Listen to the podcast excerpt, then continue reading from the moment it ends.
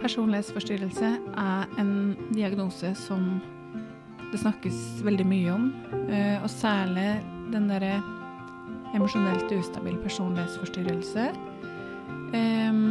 Hvordan er det å leve med en personlighetsforstyrrelse? Hva gjør du med det?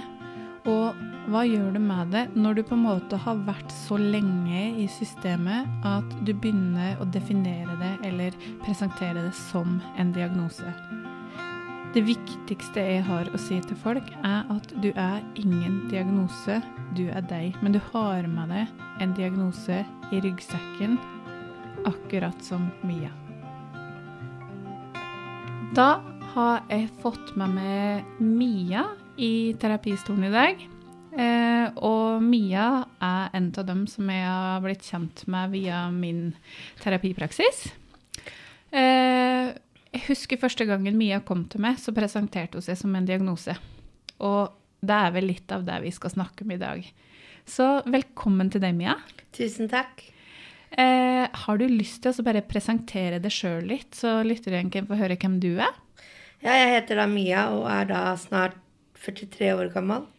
Og har da en di diagnose som heter emosjonell ustabil personlighetsforstyrrelse, impulsiv type.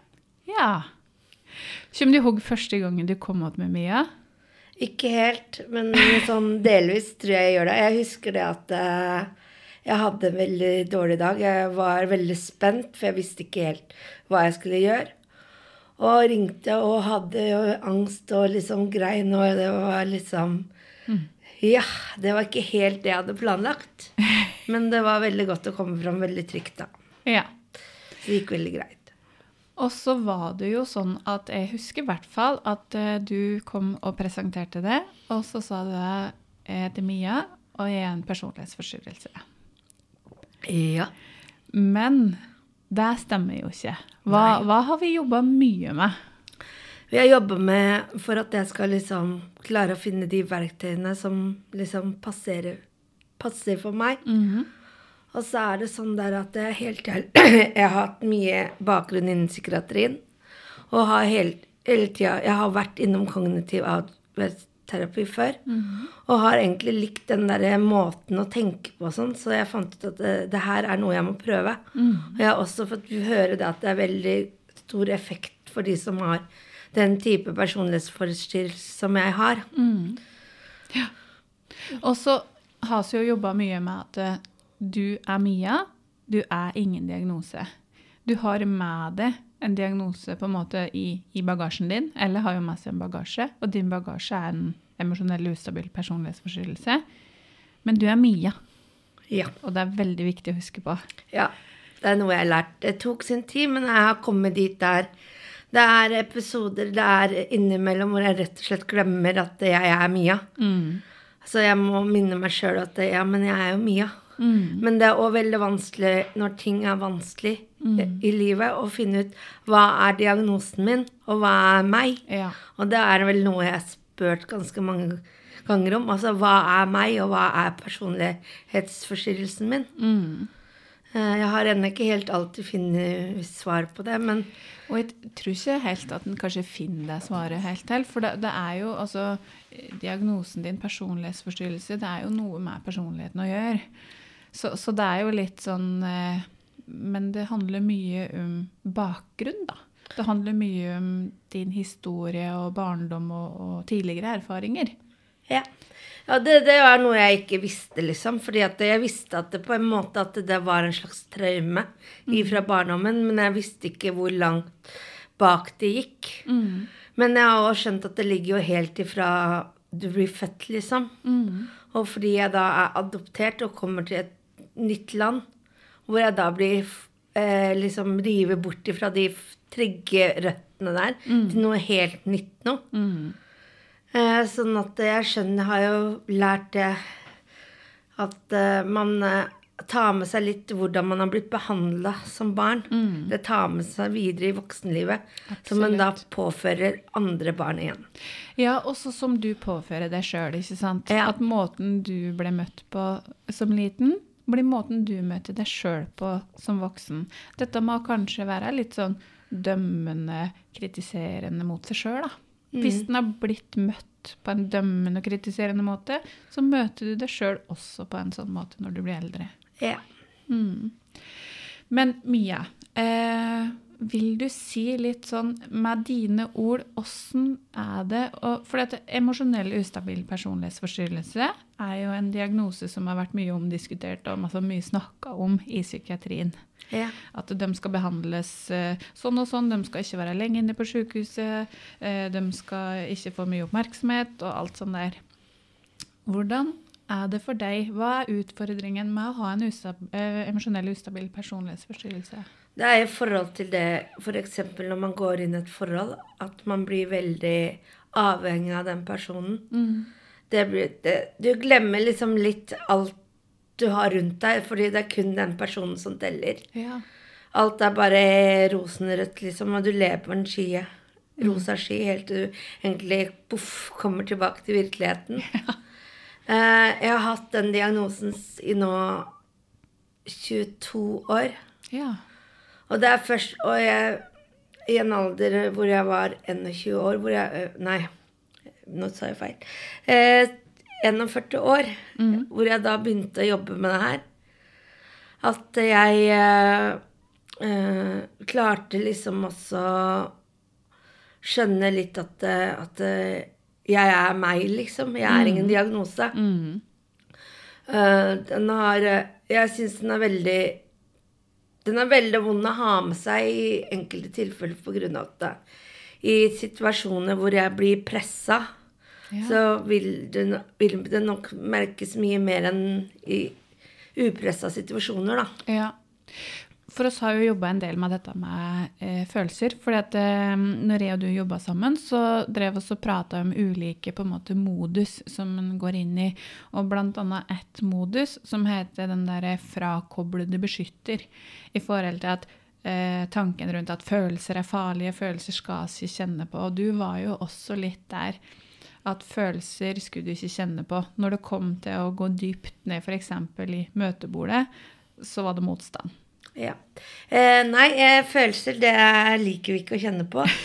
Det gjør jeg faktisk ikke den dag i dag heller, eh, i enkelte situasjoner. Men jeg har jo skjønt at eh, jeg må jo bare Jeg er jo bare nødt til å gjøre det. Det, det er liksom Jeg kan liksom ikke slutte å gjøre det på grunn av at det, hvis, Må eller vil. må. Nei, jeg vil. Så bra. Eh, eh, jeg vil eh, begynne å kjenne på følelser og kjenne litt hva, hva er rett for meg. Mm. Og i enkelte situasjoner og sånn. Og når det er da at det, det, det gjør så vondt, ikke sant? Fordi at eh, du vil, du vil ikke ha det sånn. Så blir det litt det der at du gjør alt mulig annet ikke sant? for å slippe å tenke på hva som egentlig er vanskelig, eller hva som er vondt. Og jeg var en person som eh, eh, Jeg likte Jeg var kjempesosialt og likte å ha folk rundt meg. Eh, ga meg ikke sjøl så mye egenkjærlighet. Egenkjærlighet visste jeg ikke hva var før jeg begynte til deg. Nei. Eh, det er noe jeg har lært meg nå, og jeg har liksom hele tida tenkt på det liksom flere ganger. liksom Det derre med at eh, ensomhet, liksom hva det var for meg og sånne ting. Og det er klart at det, i enkle situasjoner så kan jeg jo føle meg ensom nå òg, men samtidig så gjør jeg det ikke av at det, jeg syns den der alenetida er så god å ha. Ja, men så bra, for du slet jo veldig med å være alene når jeg møtte deg. Du Ja. trivdes jo ikke i eget selskap. Nei, jeg gjorde ikke det. Det var eh, Jeg måtte finne på noe hele tida. Klarte liksom ikke å slappe av eller noen ting. Men nå kjenner du at du setter litt mer pris på den egen tida, eller? Ja, jeg gjør faktisk det, for jeg merker det at uh, jeg har et eh, At uh, ting skjer, og i enkelte situasjoner så kan det bli litt for mye. Og så er jeg den litt sånn Vi kjører på, liksom. Det her går bra. Og så er jeg helt litt den personen som skal hjelpe alle andre. Ja. Så glemmer jeg meg selv oppi det hele.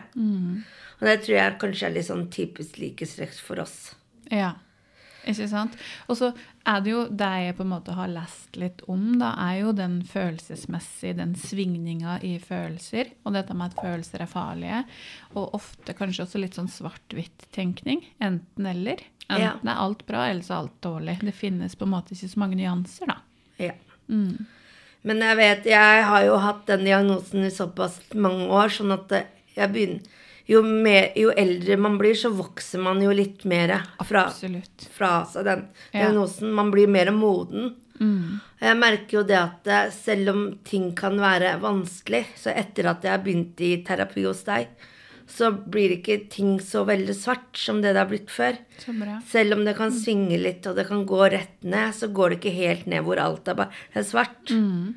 For det har jo vært perioder hvor ting har vært veldig svart, hvor jeg har gjort ting som ikke er så veldig lurt, og som ikke jeg er stolt av. Jeg har en forhistorie med sjølskading, og både med det å ripe meg opp og det å ta Intox av tabletter. Ja. Men heldigvis, bank i bordet. Jeg har ikke gjort det på mange mange år nå. Eller Mm. i hvert fall ikke ripinga. Og det er jeg veldig veldig stolt av. At jeg faktisk Mm. har klart å skjønne at det, det er ikke veien å gå. Mm. Og da kan du klappe deg sjøl på skuldra og si Ja. 'godt jobba, Mia'. Ja, jeg skal gjøre det. Ja, det er bra. Så det Nei, så jeg har alltid hatt et mål om at eh, jeg på en måned har lyst til å hjelpe folk som har vært i samme situasjon som meg. Mm. Fordi jeg veit så godt hva det vil si å være der. Mm. Når alt er mørkt, og du veit liksom ikke hvordan du skal komme deg ut, og ikke får du den hjelpa du trenger, og du må slå i bordet. Det, kost, det er mye tårer. Mm. Det er mye slåssing. Det er mye mm, stå, stå litt på for å liksom si at ja, men det her, det funker ikke for meg, liksom. Mm. Og så er for du er jo veldig for dette med åpenhet. Eh, så jeg tenker at din åpenhet nå i denne episoden her òg kan jo være med på å hjelpe mange. Ja, jeg, sånn som jeg sa til venninna mi, hvis jeg kan hjelpe én person, så har jeg liksom oppnådd det jeg brenner for, da. Kjempebra. Og det er bedre enn ikke noe. Absolutt. Fordi du er ikke alene, og du jeg, jeg heier på deg. Ja, ikke sant? Så bra. Mm. Mm. Eh, du forteller jo om eh, en historie, en lang historie med eh, erfaring i psykiatrien. Vil du si litt om hvilken erfaring du har hatt med det i forhold til psykiatri, både på godt og vondt? Eh, første, eh, første møtet mitt med psykiatrien, det var jo da i 2000, og da var jeg på Reinsvoll.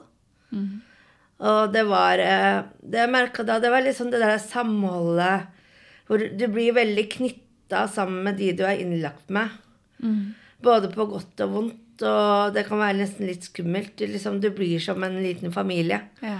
Man støtter seg veldig til hverandre, klamrer seg veldig til hverandre.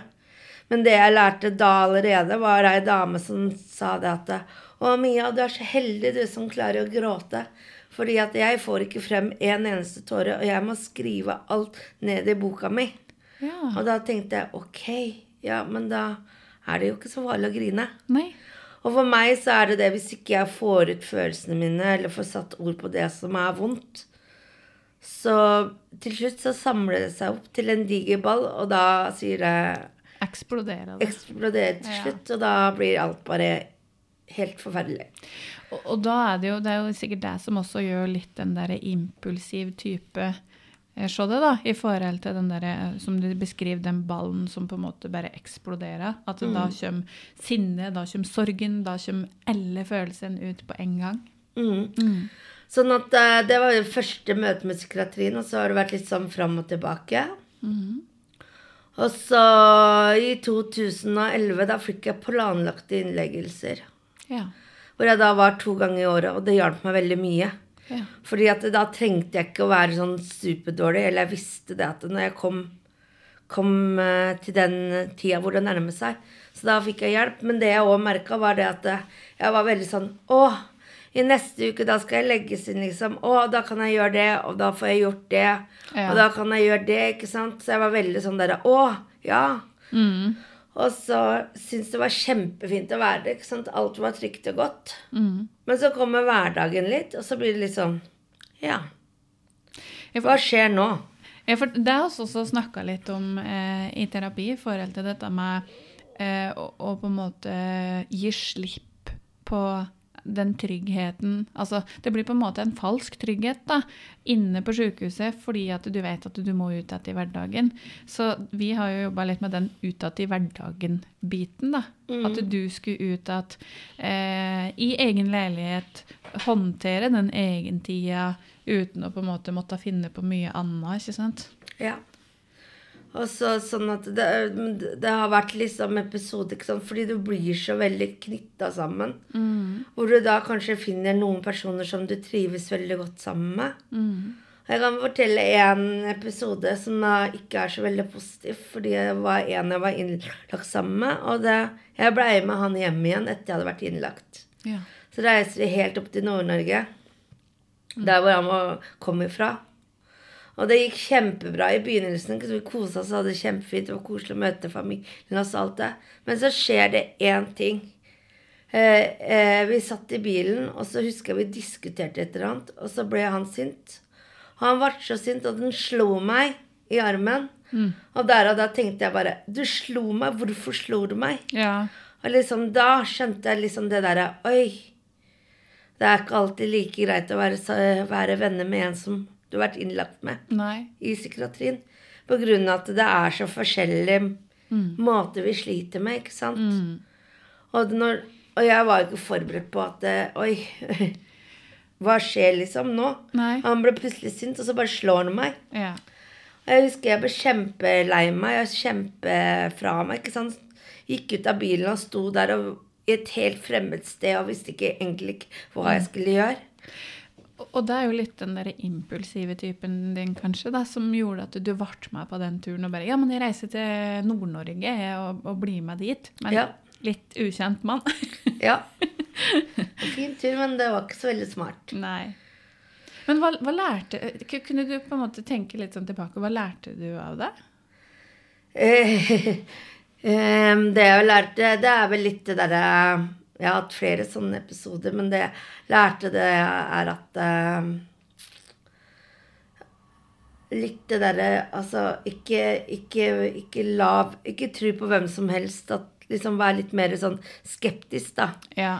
Ikke la deg lure liksom av folk fordi de er snille og sier de beste ordene. Altså, den personen her som jeg ble med, han hadde, var jo da hadde asperger. Ja. Så det er jo litt den derre måten de er på, ikke sant? Å handle på. Eh, så Nei. Eh, så jeg lærte at ok, man må prøve å ta litt lærdom at det, det de sier når du er innlagt, at du ikke skal ha så mye omgås så veldig mye på fritiden og etter du har vært skrevet ut. At det er faktisk en sannhet i det. Mm. Og det har vært mye tårer og sinne og frustrasjon. Jeg har sett folk som på en måte liksom har vært der, og så kommer de ut igjen. Så har de ingenting.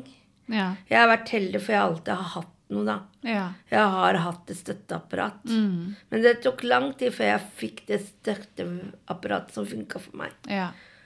Men det har jeg en dag i dag, og det er gull verdt. Ikke sant? Det er jo kjempebra.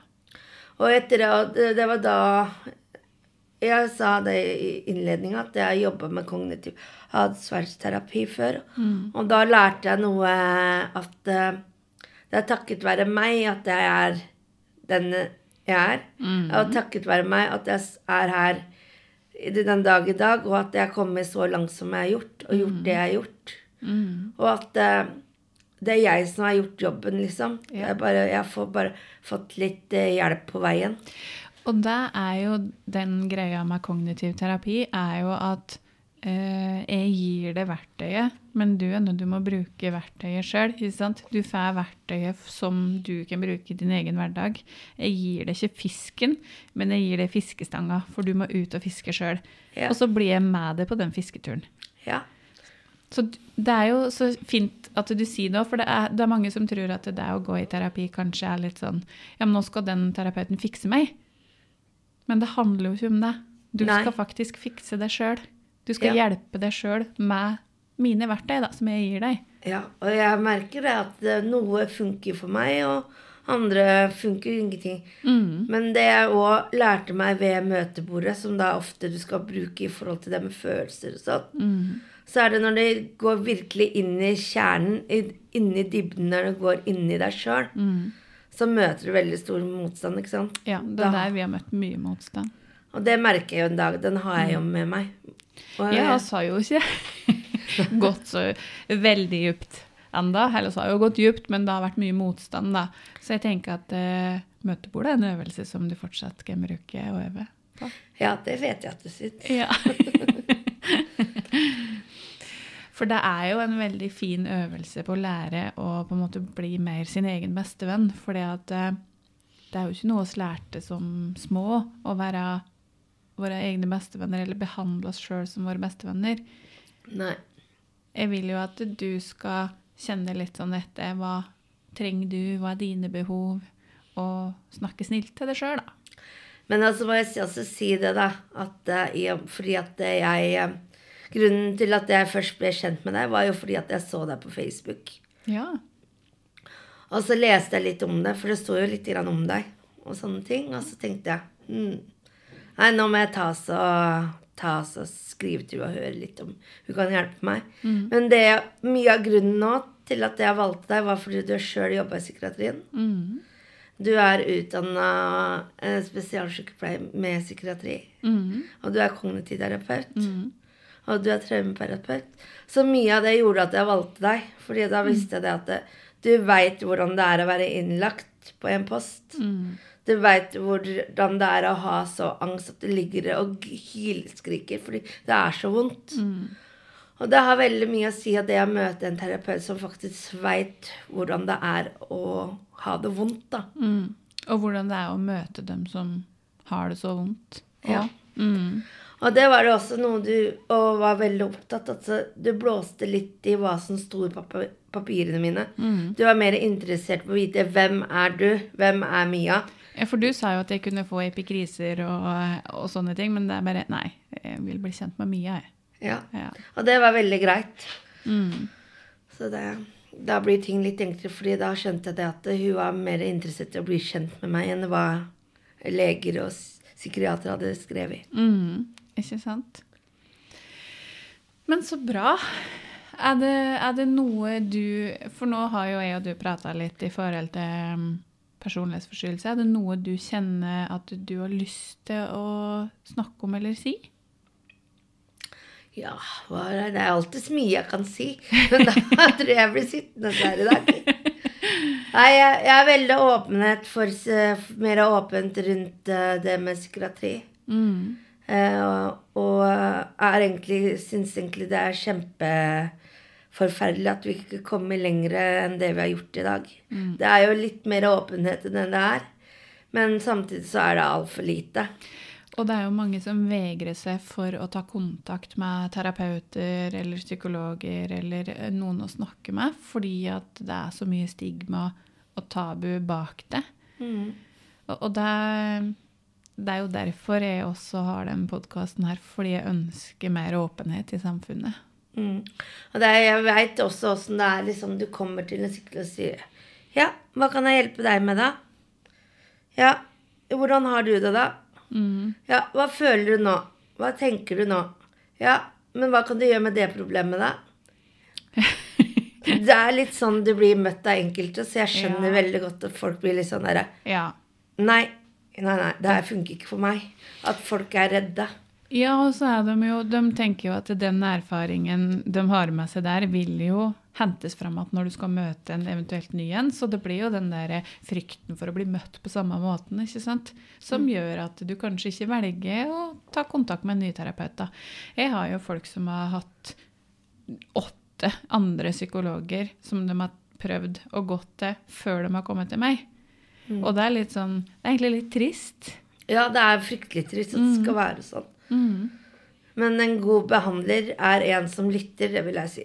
Mm. Og en som gir veldig mye av seg selv, fordi at du må gi så veldig mye av deg selv, og du må være så veldig mye i, inni deg sjøl, liksom. Mm. Du Fordi- må jo være litt på plass i deg sjøl. Ja. Mm. For det merker jeg sjøl òg, at jeg, i enkelte ting så har jeg problemer med å være i plass i meg sjøl. Mm. Og så var det ei som jeg snakka med som eh, du òg har uh, snakka med, en dame, og hun sa det at det skulle hva Hun sa veldig Den likte jeg det hun sa til meg, at jeg skulle sitte litt og skulle spørre meg sjøl hva er det jeg trenger nå? Mm. Mm.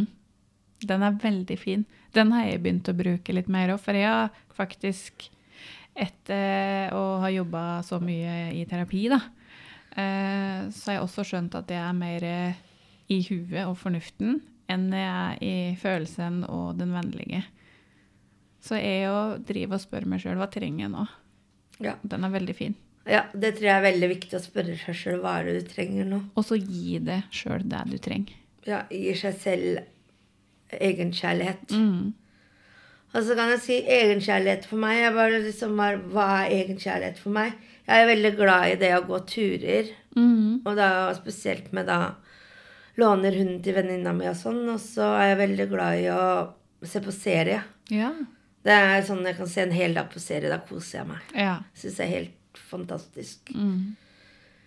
Men ikke sant, det, er- det er lett Vi er jo vanedyr, vil jeg si. Så veldig lett å gå i den vanen at du sitter ser på serie, og så har du egentlig kanskje ting som skjer rundt deg som ikke er helt bra. Mm. Og så skyver du det litt unna, fordi at det, du Ja. liksom Du har ikke lyst til å jobbe med det.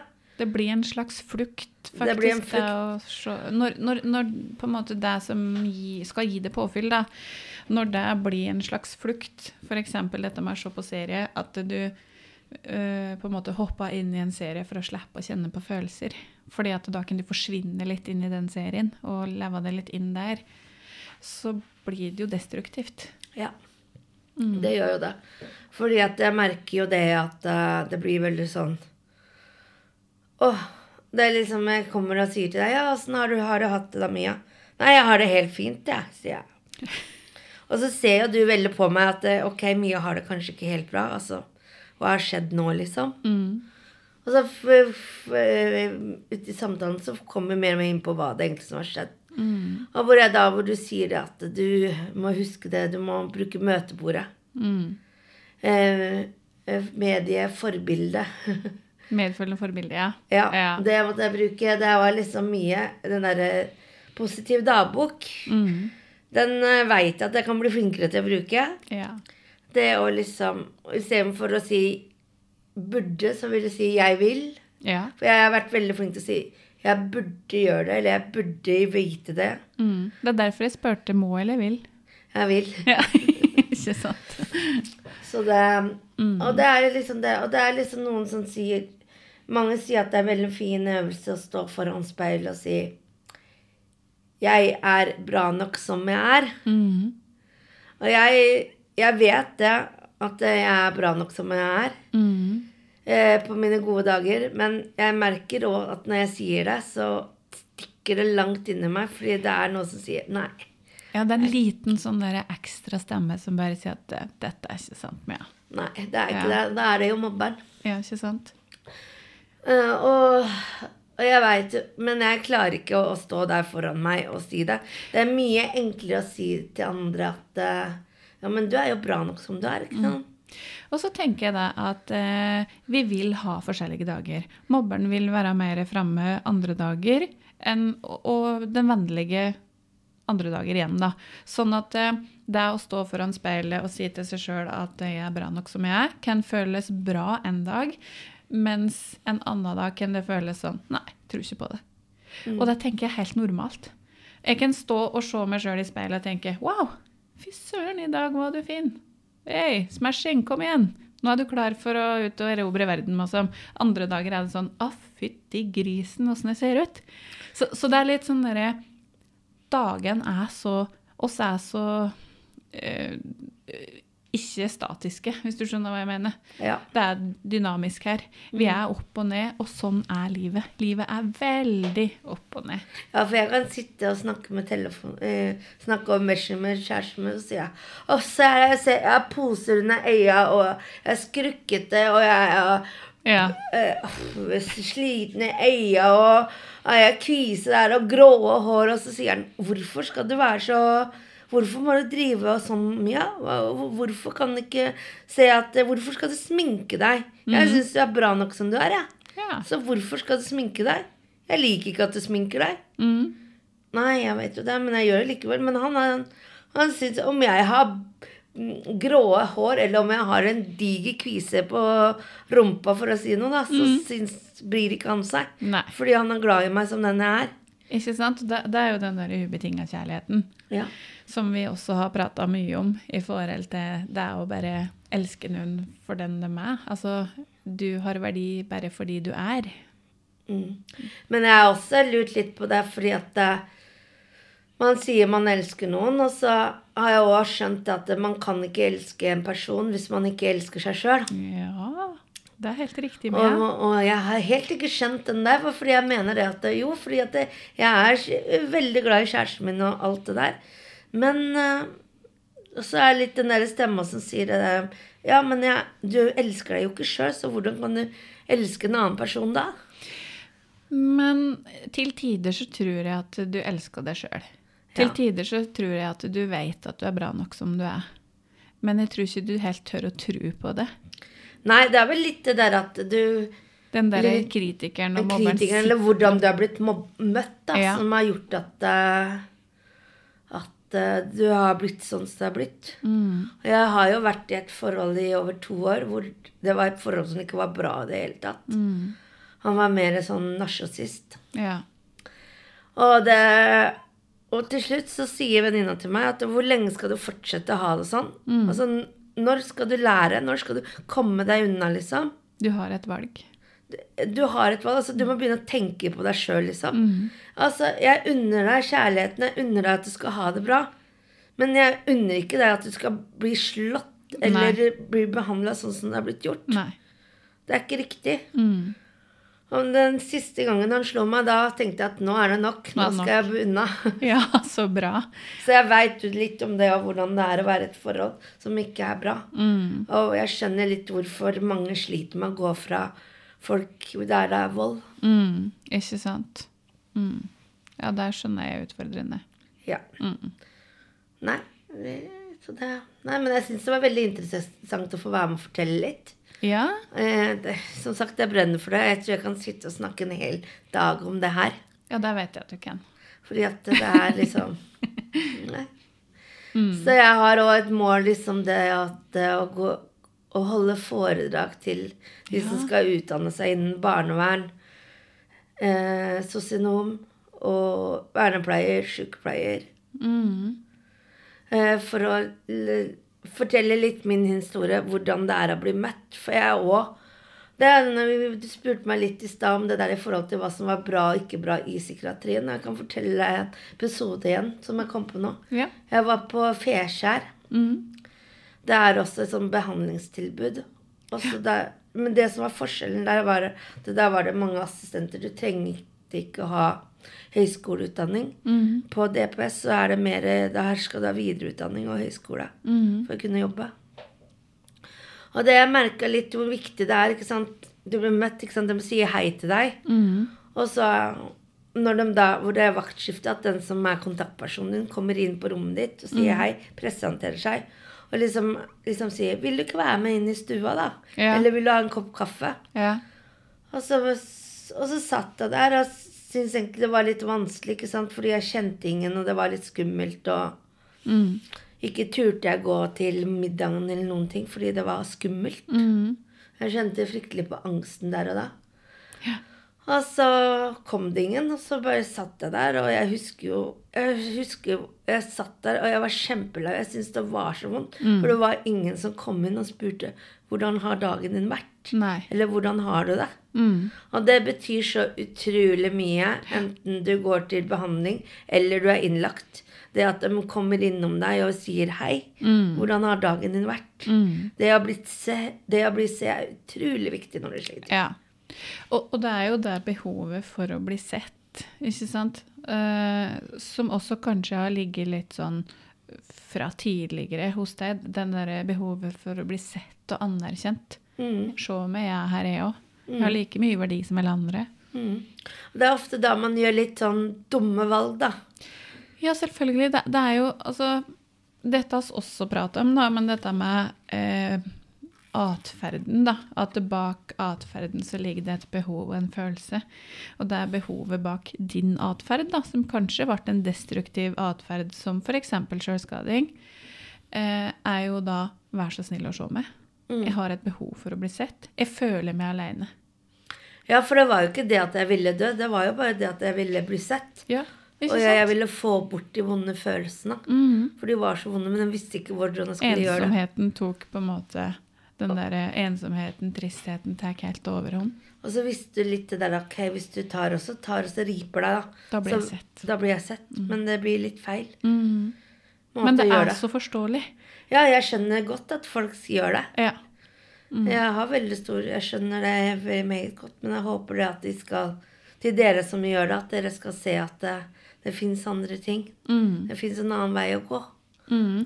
Og så kanskje øve på å uttrykke egne ønsker og behov. Ja. Fordi at eh, det har han jo heller ikke lært som liten, og da er det litt sånn eh, Du har like mye rett til å uttrykke dine ønsker og behov, og si at 'jeg vil ikke bli behandla på den måten', 'jeg ønsker at noen kan komme inn og snakke med meg', eller Det har oss all rett til, tenker jeg. ja. Mm. Absolutt. Så jeg skjønner. Og hvis det, et tips jeg òg har lært, er at hvis du ikke klarer å si det til noen, så hvis du liker å skrive, så skriv Ja, det ned. Skriv ned tankene dine. Mm. Eh, hvis du vil dele det med noen, så del det med noen. Vil du ikke dele med noen, så gjør du det ikke. Og det er jo eh, noe som du har gjort litt til meg, at du sender meg melding eh, der du skriver litt sånn hva du tenker på og kjenner på akkurat der og da. Og så er det ikke sikkert at jeg svarer, men Nei. du vet at jeg har lest den, og du vet at eh, hvis at det er noe spesielt, noe som jeg biter meg merke i, så svarer jeg jo. Ja. Og det gjør du jo. Det vet jeg jo. Mm. Og jeg skjønner, og jeg har sagt, noen ganger så gjør jeg det òg bare fordi at jeg ikke skal glemme det. ikke sant? Ja, ikke sant? Det er også. Fordi at det for akkurat der er det så viktig for meg. Mm. Og jeg er heldig det å Samtidig så har det å gått i terapi til deg har også gjort det at jeg har klart å komme meg til, på jobb. Ja. Noe som ikke jeg gjorde før, for da var det veldig lett å bare legge i senga og bare si Nei, jeg har, så, jeg har ikke noen god dag i dag, så i dag så bare sier jeg er sjuk. Så legger jeg meg her under senga og synes synd på meg sjøl, og det, det funker Mm. funker ikke i lengden. Det gjør ikke det. Og livet begynner utenfor komfortsonen. Ja, du har jo, har jo sagt det flere ganger, du. Ja. Mm. Og der gjør det. Det er litt dette med å tørre å gå utenfor komfortsonen, for det er der en kjenner på mestring, det er der en vokser. Og så er en litt innad i komfortsonen, men så må en litt utad, ikke sant? At det ble en sånn der Ja, så går man rundt det endringshjulet, så går man fremover. Mm. Går den fremover, og så går den bakover, og så står den litt To skritt fram og ett tilbake. Ja. sånn er det å jobbe med seg sjøl. Det er noe jeg òg lærte det der. Hvis når du først har gått to skritt, hvor mange steg har du gått tilbake? Mm. Så, så det er noe jeg har lært meg og lært meg også gjennom åra. Mm. Og det der endringshjulet, det forandrer seg jo aldri. Mm. Det er liksom plutselig så er det det Man jobber med seg, og man jobber intenst. Det er intenst eh, arbeid, det å jobbe med sjølbildet. Absolutt. Eh, det er mye tårer. Mm. Det er mye frustrasjon og sinne. Mm. For ikke skjønte jeg hvorfor, hva som var poenget med det møtebordet. Så hvorfor skulle de sitte her og si hva tenker, hva sier mobberen, hva sier kritikeren, hva sier dommeren? Ja. Og når du liksom har fått ut alt det negative, liksom, så skal du da ta det i prosent. Greit nok, det skjønner jeg jo. Mm. Men også etter det igjen, så skal du da få det til å bli det positivt. Ja.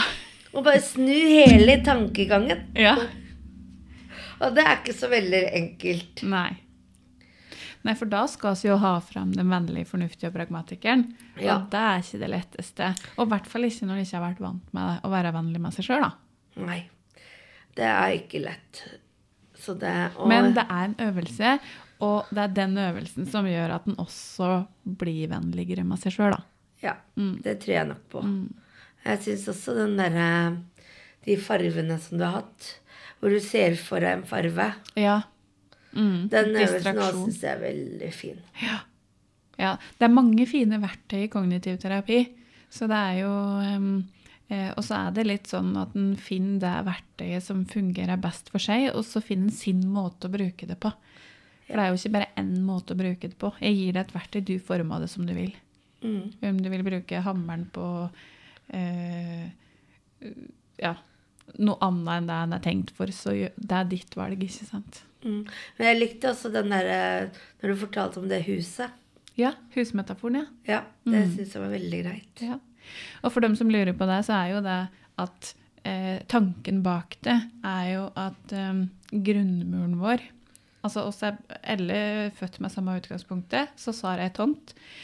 Men så har vi grunnmuren vår, som er barndommen. Og så bygge oss huset oppå grunnmuren. Så hvis grunnmuren vår da, er litt skeiv, har litt skavanker, det detter ut en stein her og der, eller det er noen sprekker, at du ikke har blitt møtt på en god måte, kanskje har blitt møtt med betinga kjærlighet, sånne ting, så vil jo det som du bygger voksenlivet ditt på, vil jo bli skjevt. Ja. Og når du da har et skjevt hus, og så står og prøver å fikse på fasaden med litt sånn rustent verktøy, så er det der jeg kommer inn i bildet og gir det det riktige verktøyet. Si 'kom her, bli med meg, se her, nå skal vi se ned i grunnmuren din'. Hvordan hadde du blitt møtt? Og så kan vi jobbe med å tette de hullene der, for så å bygge opp igjen huset. Mm. Veldig kort forklart, men eh, det er sånn det er tenkt, da. Ja.